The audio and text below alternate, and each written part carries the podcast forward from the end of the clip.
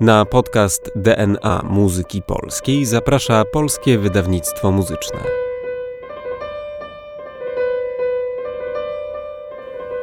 Burzliwa i trudna historia Polski sprawiła, że wiele muzycznych dzieł zaginęło bez śladu. Szczęśliwie nawet po wielu latach zdarzają się odkrycia czy nieoczekiwane powroty.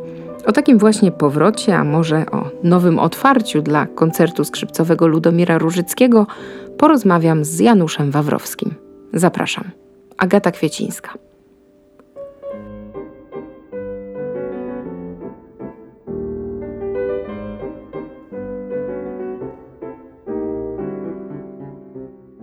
Janusz Wawrowski dziś jest gościem podcastu DNA Muzyki Polskiej. Nieodłączny Stradivarius jest z nami, ale Tak. dzisiaj nie będzie go słychać raczej. Chyba nie, raczej nie. Dzień dobry, witam.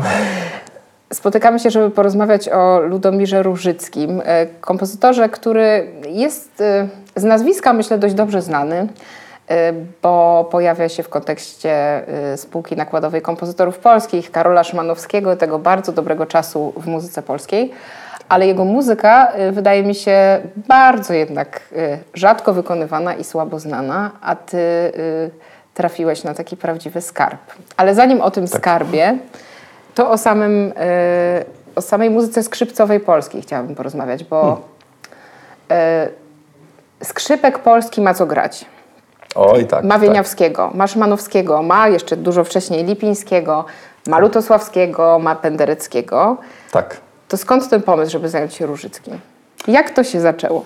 Hmm. No właśnie dobrze powiedziałaś, że mamy Wieniawskiego, Lipińskiego, e, Pendereckiego, Szymanowskiego, a tak troszkę wydaje mi się gdzieś tam ta twórczość dość bogata, dwudziestowieczna, jest jakoś tak trochę zaniedbana i trochę mało odkryta jeszcze. To znaczy tak zaczynając od kompozytorów młodopolskich, oprócz e, Szymanowskiego, chociażby mówiąc o Karłowiczu, który też jest w sumie w Polsce oczywiście bardzo znany, ale na świecie zdecydowanie za mało.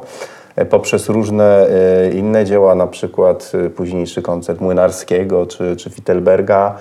No i oczywiście ten Różycki, który jest jakby świeżutkim odkryciem, ale też na przykład Grażyna Bacewicz, tak? I te, ten pomost pomiędzy właśnie e, Pendereckim, Lutosławskim, a tym, co się działo y, w czasach Wieniawskiego, y, Lipińskiego, jakby moim zdaniem jeszcze jest za mało zeksplorowane. Ale jak trafiłeś na, na ten wątek Różyckiego? Różycki był y, kompozytorem, był też pianistą, y, nie był skrzypkiem. Y, ta twórczość skrzypcowa jest niewielka. Myślę Tak. o utworach na skrzypce z fortepianem. No i jest jeden koncert skrzypcowy, o którym wiele lat było wiadomo, że jest zaginiony. Tak. No, do Różyckiego trafiłem przez pieśni. Moja żona, która jest śpiewaczką, zainteresowała się bardzo mm, pieśniami Różyckiego. Jak zacząłem słuchać na próbach e, z pianistą e, Bogusi tych pieśni, to po prostu byłem oczarowany. Oczarowany. Wspaniała twórczość. Świetny kompozytor operowy, też z dużym wyczuciem głosu. To, tak, to tak, nie ulega tak, wątpliwości. Tak, opera chociażby w kilka lat temu wystawiona premiera tutaj Eros i Psyche. No ale też zainteresowały mnie oczywiście utwory kameralne, czyli, czyli trio, rapsodia na trio fortepianowe czy kwintet fortepianowy i tym tropem dotarłem poprzez poszukiwania muzyki kameralnej kompozytorów młodopolskich. Gdzieś tam przy okazji wszedłem w posiadanie e, kopii właśnie e, rękopisu, który nawet tutaj przyniosłem, żeby pokazać Państwu, którzy to zobaczą, jak to wyglądało na początku. Czyli to były takie e, o, skraweczki z Biblioteki Narodowej, skany. E, Ale kompletna tutaj mamy partytura. sygnaturę y, Biblioteki Uniwersyteckiej. Tak, tak. One, ona jest generalnie, oryginały leżą w Bibliotece Uniwersyteckiej. To jest właśnie Uniwersytetu Warszawskiego, żebyśmy tak, byli. Uniwersytet Warszawskiego, Biblioteka Uniwersytetu Warszawskiego. I tu jest tak fajnie właśnie pokazane, jako się nagle po, po, po, po około 4-6 minutach mm, urywa się ta partytura. Kończy się nagle. Teraz nie wiadomo, czy reszta istnieje, do dzisiaj nie wiemy. Czy, czy po prostu kompozytor zaniechał e, pisania na tym momencie. Również jest dostęp do aż trzech wersji wyciągu fortepianowego. Widać, jest bardzo dobrze udokumentowane z poszczególnych lat, jak były najpierw szkice do tego koncertu, potem jak była pierwsza wersja z fortepianem, jeszcze czasami e, inne teksty i potem już, e, już powojenna wersja mm, z fortepianem pełna. To były początki, ale ja tylko wiedziałem na początku, że istnieje nieukończona partytura. I po prostu zasmuciłem się. Szkoda, że taki kompozytor nie skończył tego koncertu. Ale kiedy to było? To znaczy, bo może, może jeszcze powiedzmy tak, że koncert skrzypcowy Różycki pisze w trudnym momencie. To jest 44 44 rok. rok, 1944. Kończy się wojna, on żyje do roku 53. Y, W czasie wojny wiele rzeczy ginie, znika. Tak, ale jest historia z zakopywaniem nut pod ziemię To na znaczy? Żoliborzu. Walizki z nutami zakopywała. Są dwie wersje, albo jego żona, albo on sam z żoną. I potem też były dwie wersje tego, kto te walizki po wojnie już po zniszczonej... em, powstaniem tak, w Warszawie. Mhm. Po, dokładnie. Odnalazł, odkopał. Jedna wersja mówi, że robotnicy, druga wersja mówi, że rodzina, która przyjechała specjalnie, żeby odnaleźć te walizki. Prawdopodobnie wśród tych walizek były właśnie te resztki koncertu skrzypcowego partytury. Mhm. W którym roku ty y, dotarłeś do tej partytury? To był około 2008-2009 rok. No i co było potem? No i potem to sobie tak leżało, ja troszkę o tym zapomniałem. E, Po latach spotkałem się z dyrygentem Zygmuntem Rychertem, z którym graliśmy akurat Panów Nika. I on mówi, że ma, ach, powinien się pan zainteresować koncertem Różyckiego. Ale ja mówię, no tak, coś, coś kojarzę, ale przecież to jest dzieło nieukończone. A on mówi, nie, nie, to jest ukończone, tylko że on w ogóle nie zorkiestrował, zrobił tylko wyciąg. No i co się okazało, że on miał po prostu dostęp zupełnie z innych źródeł gdzieś tam do, y, nawet do przepisanego wyciągu, a natomiast na moją informację, że chyba istnieje orkiestracja, on był bardzo zdziwiony. Także gdzieś tam te informacje we dwójkę złożyliśmy. Ja rzeczywiście wróciłem do domu, zacząłem szukać w tych moich obszernych ym, magazynach, czy rzeczywiście gdzieś tam był koncert Urzyckiego. Po czym spotkaliśmy się drugi raz i rzeczywiście byliśmy w szoku, że, że, że jednak początek orkiestracji istniał. No i potem zaczęła się przygoda ze zbieraniem zespołu do rekonstrukcji tego. Jak, jak to się robi? Bo to tak brzmi wszystko bardzo y, łatwo i przyjemnie, rekonstrukcja, no to nie jest No ja tak oczywiście nie proste. czułem się na siłach, żeby samemu brać się za orkiestrację tak potężnego e, dzieła, bo tutaj i harfa i bardzo rozbudowana blacha i tak dalej. Udało mi się dotrzeć do Ryszarda Bryły, z którym, z którym wspólnie zaczęliśmy rekonstrukcję. On zajął się tą warstwą orkiestrową, poznał wszystkie inne partytury praktycznie e, Różyckiego, żeby tutaj jak najlepiej to, mm, tak powiem, według stylu Różyckiego zorkiestrować. Ja się zająłem z kolei warstwą skrzypcową. W międzyczasie dowiedziałem się, że w zasadzie nie doszło nigdy do żadnego wykonania, chyba gdzieś tam tylko kompozytor spotkał się z jakimś skrzypkiem w Krakowie lub w Katowicach już po wojnie, gdzieś tam raz to wykonali. Podejrzewam, że jeszcze nie było uwag od skrzypka, bo ewidentnie jest to bardzo trudny utwór na skrzypce i ewidentnie było parę rzeczy, które są niewykonane. Ale wykonali tylko tę część do momentu, kiedy partytura się urywa, tak? E, Nie, Czy wykonali, wykonali ich prawdopodobnie, ja rozumiem, całość y, w, y, w wersji z fortepianem oczywiście. Różycki grał na, bo ten wyciąg był gotowy już po wojnie w całości.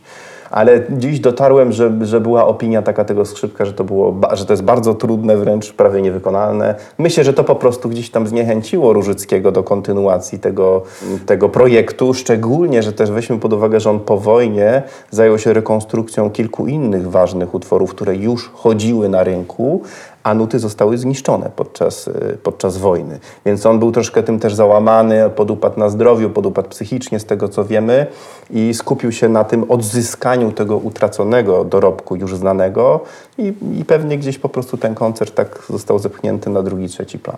On się urodził w 1883 roku, Tak. więc y, to był już... y, Umiera w roku 53, czyli ma 70 lat. Tak, tak. No więc też był człowiekiem już po y, różnych y, życiowych zakrętach, no a Tak. też te dwie wojny y, odcisnęły bardzo silny ślad w jego biografii, Tak. w sumie taki bardzo smutny.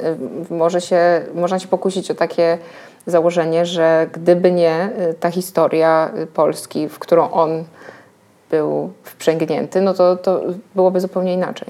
Tak, szczególnie, że on, e, trzeba podkreślić, że mm, w okolicach już po I wojnie światowej on zaczął bardzo dużą, powiedzmy, karierę nawet robić e, na rynku niemieckim. Tam był e, rozpoznawany, mm, znał wielu kompozytorów. Pucciniego spotkał właśnie w Niemczech. Tak, tak. Ze Straussem też się poznał. Zresztą była śmieszna anegdota ze Straussem, który go pierwszy raz w domu powitał, myśląc, że to kominiarz przyszedł kom, komin czyścić. I Wspaniałe. Po czym się okazało, że nie, on mówi, że jestem kompozytorem. Różyckim przyszedł do niego, do mistrza, tutaj pokazywać swoje partytury i potem właśnie Strauss trochę takimi e, wyrzutami sumienia miał go potraktować właśnie tak bardzo serdecznie i był zaskoczony, że to kompozytor młody. E, no i potem e, rzeczywiście druga wojna przerwała tą, myślę, passę taką niemiecką i tą międzynarodową, bo no, on dostał radykalnie odciął się od, od, od nazistów, od, od e, hitlerowców. Dostał propozycję mm, wpisania na listę Volksdeutschów. Odmówił tego, powiedział, że absolutnie nie jest Polakiem. I, no i potem jeszcze ta różna kaskada takich y, zniszczeń, nieszczęść spowodowała, że właśnie gdzieś tam to się wszystko tak zapadło. A myślę, że jego muzyka też powiedzmy była mało awangardowa, była bardziej taka eklektyczna, pisana jeszcze w duchu romantycznym, troszeczkę takiej muzyki Trochę to, co mówiłeś, filmowej. taki pomost między Tak, Wieniawskim tak, tak. a Tak, zresztą powiedzmy sobie, że on chyba jako pierwszy napisał operetkę polską i też czego się niedawno dowiedziałem, że pisał muzykę filmową. Jako jeden z pierwszych polskich kompozytorów pisał do filmu. Jeszcze nie dotarłem, gdzie to jest, y, gdzie można odnaleźć tą ścieżkę dźwiękową, ale, ale do sztuk pisał także on no był tego trochę rodzaju kompozytorem, który też nie bał się wychodzić na taki szerszy rynek, powiedzmy, tak? No i gdzieś tam to po wojnie też mi się wydaje nie było modne, już bardziej była ta awangarda, nowoczesne brzmienia i ta No, jego muzyka. socy... Znaczy on umiera w czasie najczarniejszym No tak, socjalizmu, więc, więc awangarda to jeszcze właściwie troszkę później. Jeszcze później, tak. tak. A, a tutaj były inne tendencje. No ale wracamy do Twojej przygody z tą partyturą. No więc powstaje ta pełna orkiestracja y, całego Tak. utworu.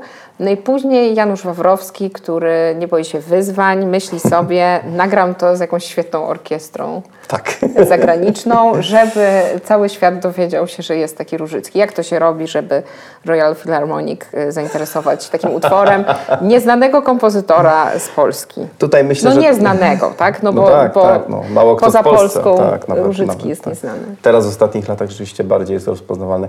Myślę, że tutaj też duża, duża zasługa e, Grzegorza Nowaka, który, który już, jak ja byłem jeszcze uczniem w liceum, on e, też e, zasłynął z tego, że nagrywał dużo muzyki polskiej, takiej mniej znanej i w Polsce, i, i właśnie w Londynie. Na stałe współpracuje, współpracował, współpracuje z Royal Philharmonic Orchestra i on właśnie zapro- zaproponował też ten projekt w orkiestrze i, i pojawiła się ta też idea połączenia tego z Czajkowskim, który jest hitem, wiadomo, skrzypcowym na całym świecie, ale gdzieś tam ten e, język wspólny kompozytorów, którzy, którzy zasłynęli z muzyki e, scenicznej, tak? bo i balety, i opery obaj e, pisali.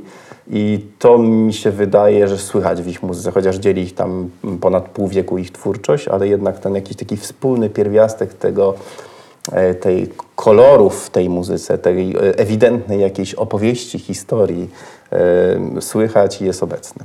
Jak muzycy Royal Philharmonic podeszli do tego utworu?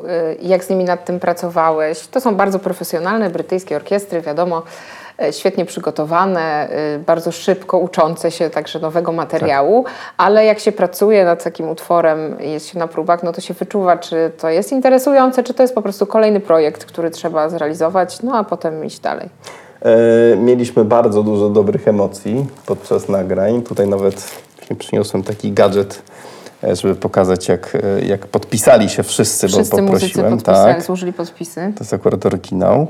E, Na tym premierowym nagraniu no mieliśmy tam, nawet są ponagrywane takie fragmenty, jak się, jak się bardzo dużo uśmiechu było, bo ta muzyka jest, co warto podkreślić, tak bardzo pozytywna. Ja, mi się wydaje, że to jest jeden z najbardziej optymistycznych utworów Różyckiego. Paradoksalnie 44 rok. Dokładnie, to jest dość pisany niewiarygodne wręcz, tak, jak tak. się tego słucha. Ale mówi, mówi wielu znawców, że to jest typowe, że, że kompozytor, twórca chciał jakby... Mm, Ucieka. taki manifest wręcz, taki bunt wobec tego, co się dzieje wokół, e, napisać w tej partyturze. I myślę, że to bardzo słychać w tej muzyce. No to czasami przypomina jakąś ścieżkę dźwiękową z, z filmu Disneya i, i czasami naprawdę wręcz się po prostu śmialiśmy razem z orkiestrą, ale bardzo pozytywnie to było przyjęte i Trochę jak koncert Barbera. Tak, tak. A czy muszę powiedzieć, że w ogóle, co było dla mnie dość ciekawe, chyba w Polsce y, też ciekawe. Czy Kord Golda może nawet Tak, bardziej. Korn Golda, tak. Że na przykład wiolo- koncert Mistrz Wiolonczeli przed i powiedział, że mu to bardzo Szymanowskiego też przypomina. Tak, gdzieś rzeczywiście potem sobie o tym myślałem i rzeczywiście to użycie skrzyp jest bardzo wysoko, z takimi bardzo tkliwymi frazami, dużo tej śpiewności i rzeczywiście gdzieś tam jest. I dużo w ogóle tych smyczków takich, może oczywiście inna harmonika, ale, ale jednak słychać ten, ten, ten wpływ młodopolski też. Rozmawiamy w tym podcaście o polskim DNA, e, o tym, co gdzieś pod taką podstawową warstwą muzyczną tli się polskiego, a może się czasem właśnie nie tli, albo z czego wyrasta ten kompozytor, co później w jego utworach brzmi.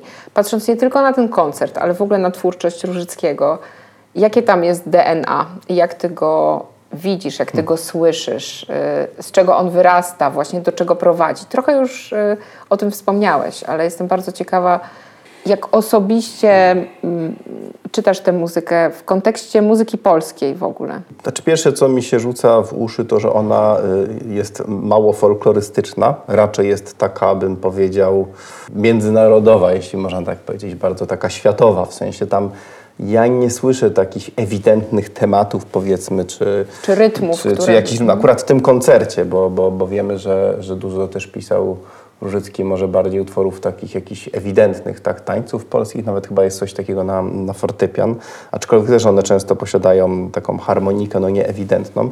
Raczej gdzieś tam dla mnie słychać troszeczkę w tym koncercie ragtime'u, jakieś takie bardziej właśnie zagrywki jak z muzyki filmowej, takiej światowej już, która zaczęła być w tym momencie popularna, Y, ale myślę, że y, to, co najbardziej z, y, z polską muzyką łączy, to chyba ta śpiewność, ta ekspresja taka bardzo głęboka, nawet bym troszeczkę powiedział nawiązująca może właśnie do Wieniawskiego. Myślę, że on gdzieś tam próbował ten pierwiastek Wieniawskiego Czyli odnaleźć tych ekspresja jest romantyczna.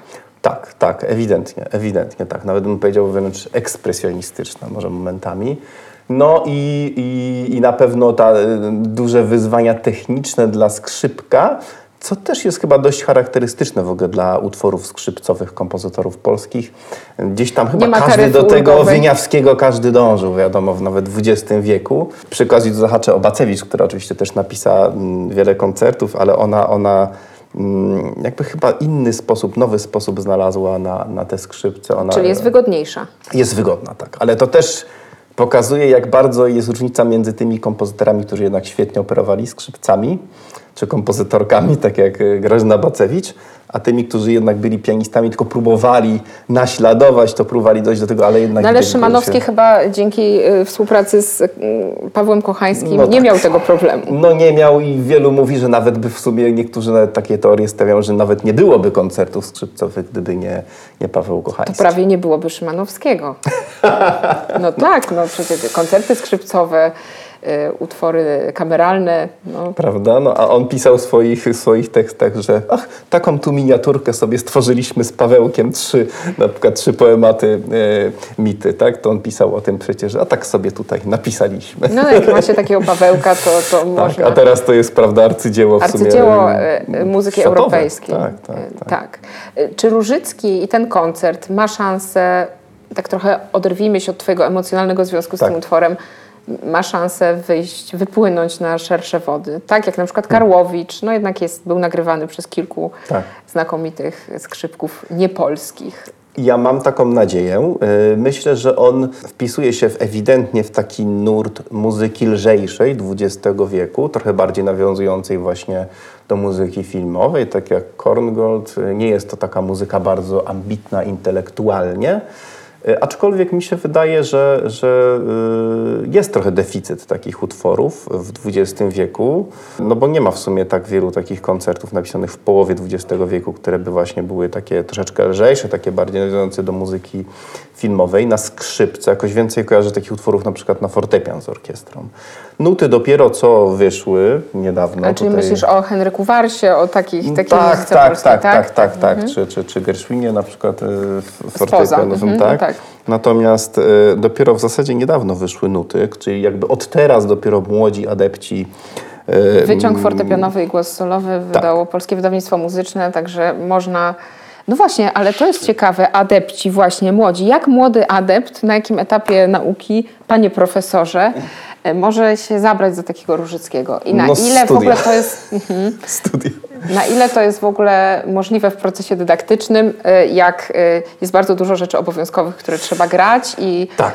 no i gra się tego właśnie Czajkowskiego, ale gra się Mozarta, ale Prokofiewa się gra, albo No tak, też jest taki trend, że dużo ludzi młodych chce grać coś znanego, bo to im się bardziej przyda na konkursach, na egzaminach wstępnych do orkiestr i tak dalej, ale są tacy y, może bardziej aktywni czy zdolniejsi, którzy jednak oprócz tych takich kanonów chcą sięgać po coś innego. Ja muszę powiedzieć, że sam miałem wiele zapytań, chociażby na Instagramie, na Facebooku, czy, czy są już nuty, czy, czy można się już tego uczyć. Nawet, nawet y, pisał do mnie ktoś, kto się próbował z mojego nagrania na pamięć tego uczyć, gdzieś chyba w Stanach. Że, że Ale jak to, ze słuchu? Ze słuchu, tak. Znaczy, przepraszam, nie na pamięć, tylko próbował ale się ze, ze słuchu z nagrania? Tak, tak, tak. No to, Nie przesłał próbek właśnie, ale, ale y, cieszę się, że nuty no to teraz, teraz my już możemy przesłać nuty, to jest ta Możemy przesłać wiadomość. nuty, tak, tak i to, i to jest fajne i myślę, że gdzieś tam jakiś odzew jest.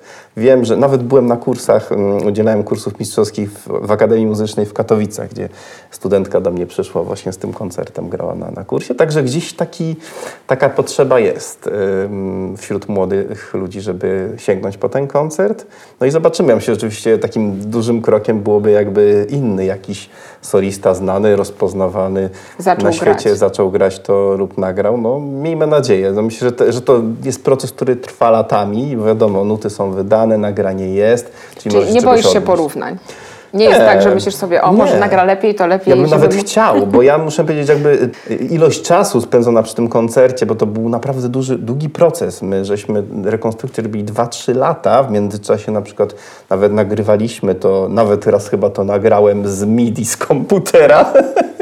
Raz to nagrałem z pianistą, nawet był koncert na jakichś kursach, gdzie to wykonałem z pianistą, z Grzegorzem Skrobińskim. I to wszystko dopiero dawało nam obraz ostatecznej wersji, więc ja już ten koncert po prostu przemaglowałem, przemaglowałem.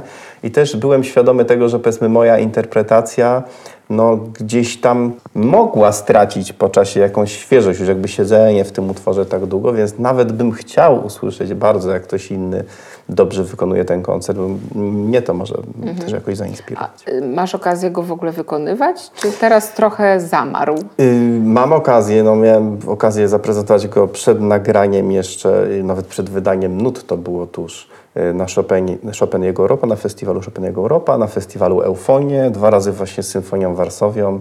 Teraz też się cieszę, że, że mam zaproszenie do Filharmonii Narodowej w 23 roku, do Narodowego Forum Muzyki też w 23 roku. I to właśnie z. Różyckim w tak, to wszystko mi roku. Do, Różyckim, dokładnie, dokładnie tak.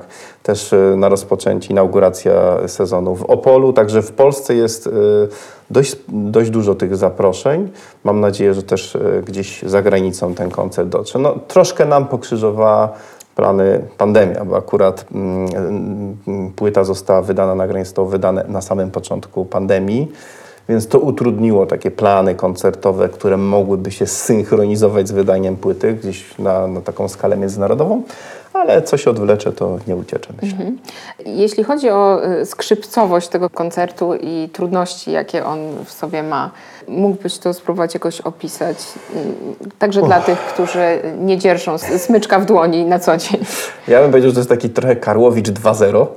Czyli jak ktoś myśli, że jest Karłowicz trudny, to powinien sięgnąć po Różyckiego. E, Na pewno jest to taki podobny muzy- język muzyczny, podobne też trudności. Z wielką miłością używa Różycki kwint i kwart, jakże znienawidzonych przez skrzypków. To samo robi Karłowicz. Troszeczkę czasami może wręcz e, Wieniawskiego, Paganiniego takich trudności, wręcz takich akordowych. Bardzo dużo jest tam dwudźwięków. Widać, że to pisał pianista, który lubił też na fortepianie duże ilości akordów używać i chciał troszkę chyba to przenieść na skrzypce. No czasami są jakieś pochody oktawowe bardzo trudne, nawet decymowe, czego nawet Wieniawski nie pisał, bardziej Paganini. E, Dużo jakichś gamek różnych, trochę jak w Szymanowskim, bardzo wysokie kantyleny, to ten pierwiastek, który mi się to łączy z tą młodo, młodopolskością Szymanowskiego. Bardzo wysoki rejestr. Tak, tak. Y, Świetnie. Tu muszę powiedzieć na korzyść Różyckiego, że chyba mniej bezwzględnie zinstrumentowane są y, na, na orkiestrę. Znaczy dużo łatwiej jest się przebić skrzypkowi przez orkiestrę, tak jak trochę Jak w to brzmi, Karłowiczu. dużo mniej bezwzględnie.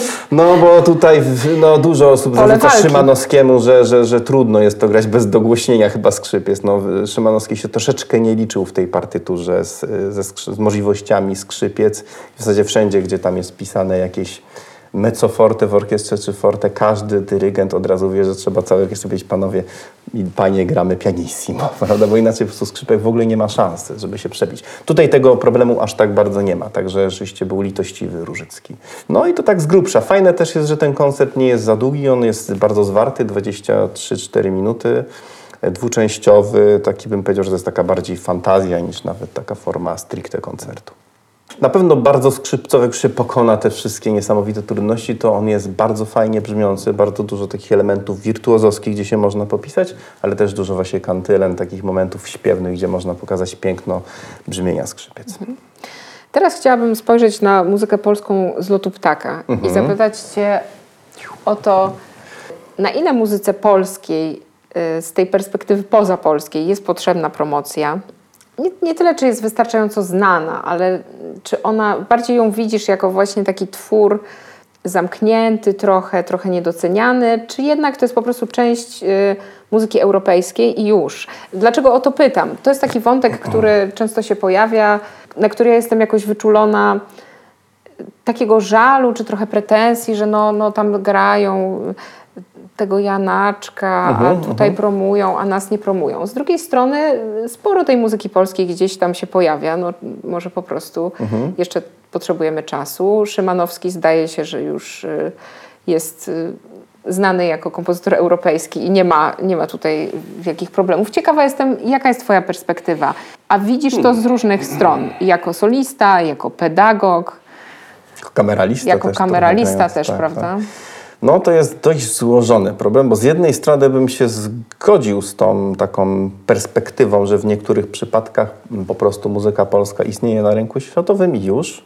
Znaczy też nie każda, prawda? Bo to, to są różne Właśnie nazwiska. niektóre, tak? Natomiast myślę, że to jakby y, niektóre inne nazwiska są zaniedbane z powodów bardzo prozaicznych. Tutaj wrzucę parę może takich zepsutych owoców do naszego ogródka, ale po prostu uważam, że zostały przez lata zaniedbane kwestie takie bazowe, czyli na przykład nie ma dostępu do nut pewnych, tak? Nadal, nadal wśród wielu kompozytorów jedyne, czym się możemy posiłkować, to są stare niemieckie wydania. Mówimy tutaj, szczególnie mówię o kompozytorach z przełomu XIX-XX wieku.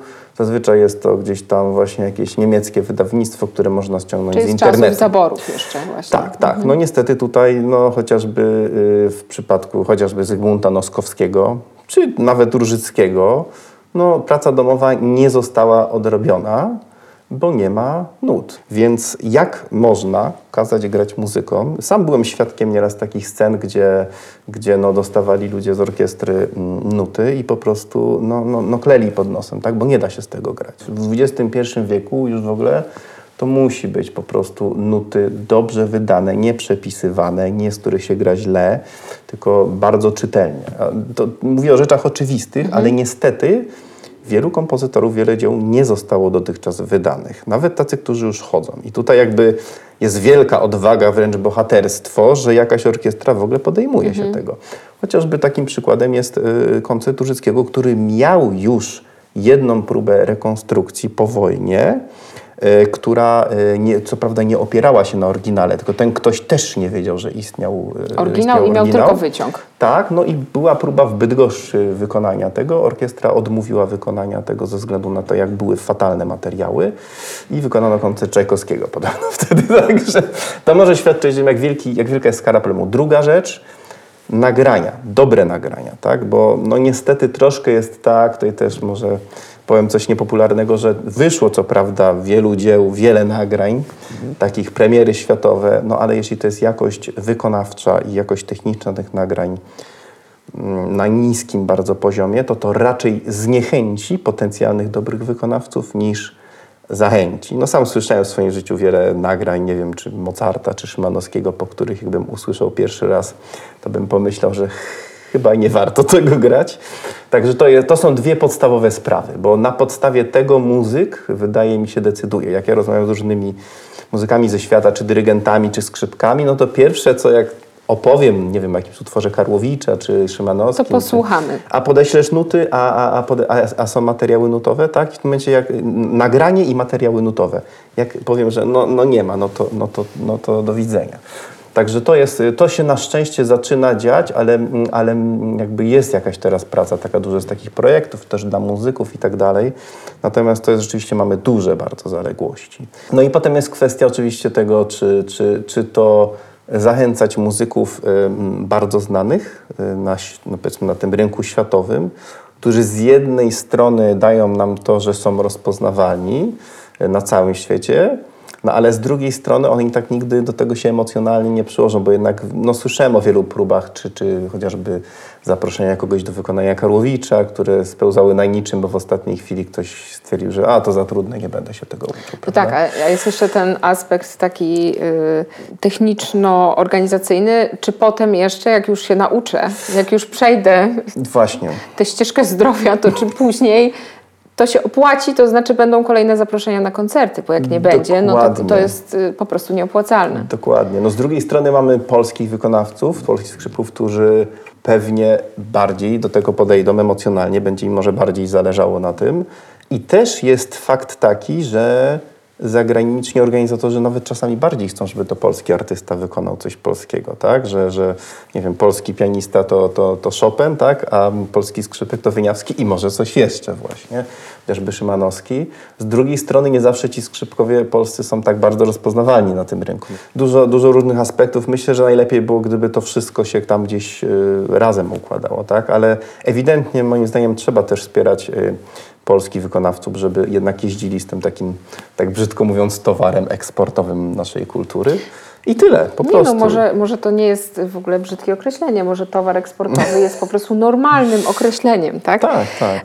Znaczy, jeszcze tak podsumowując, wydaje mi się, że jakby już dużo pokazaliśmy światu, ale jeszcze moglibyśmy sami troszkę poszukać tutaj, tak u podstaw i wydobyć parę fajnych utworów, które możemy jeszcze pokazać. Mhm. Czy ty się czasem nudzisz obiegowym repertuarem? Czy to jest trochę tak, że no miło grać tego Czajkowskiego, Mhm, ale, y, no ale jak to jest któryś tam kolejny raz, to właśnie traci się świeżość. Nawet o Różyckim mówiłeś, że miałeś poczucie, że może straciłeś tę świeżość patrzenia na ten utwór. Mhm.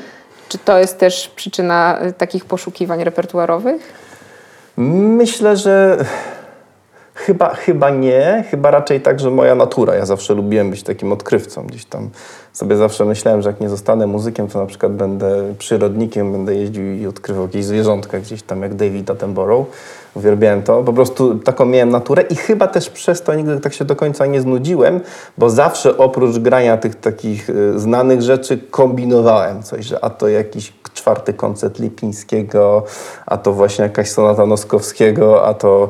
A też mnie zafascynowało to odkrywanie fajnych rzeczy, które nie są tak znane i chyba dzięki temu zachowałem trochę tą świeżość, że ja nie byłem takim muzykiem, który zawsze tylko jak zadzwonili z Beethovenem to Beethoven, jak z Czajkowskim to Czajkowski, tylko zawsze coś próbowałem takiego swojego mm, zaproponować i przez to się nie, chyba nie znudziłem tym repertuarem. Także ja w sumie lubię grać i rzeczy znane i nieznane. A co teraz masz na oku? Masz jakieś takie... y, Mam na oku Grażynę, Janusz ma na oku Grażynę. Bacewicz oczywiście. Mhm, oczywiście. E, Ostatnio po raz pierwszy wykonałem e, jej koncert skrzypcowy, to był akurat numer 4, bo ona w 7 w sumie napisała Mhm. tych koncertów. Od niedawna wszystkie są dostępne, bo jeden był zakazany przez 50 lat po śmierci.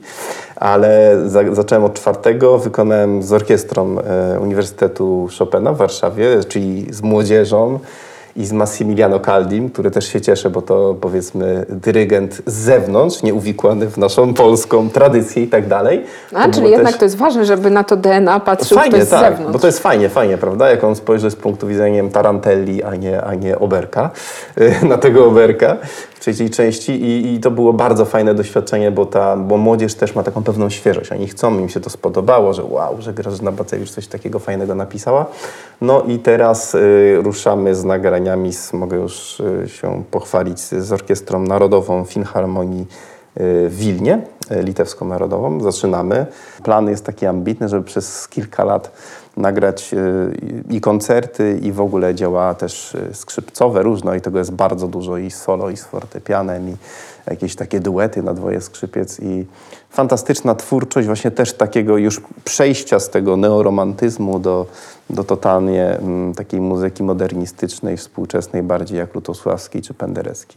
Fantastycznym jest mostem e, Grażyna Bacewicz i też to, że żyła w, i tworzyła już w czasach i przedwojennych, i powojennych, i też przeżyła e, wojnę, jej historia jej życia jest niesamowita i też rozwój tej muzyki skrzypcowej to jest taki kalejdoskop muzyki XX wieku. Ale nie stronisz też od muzyki naprawdę nowej, tej, która już powstała w XXI wieku. Tak, y, absolutnie.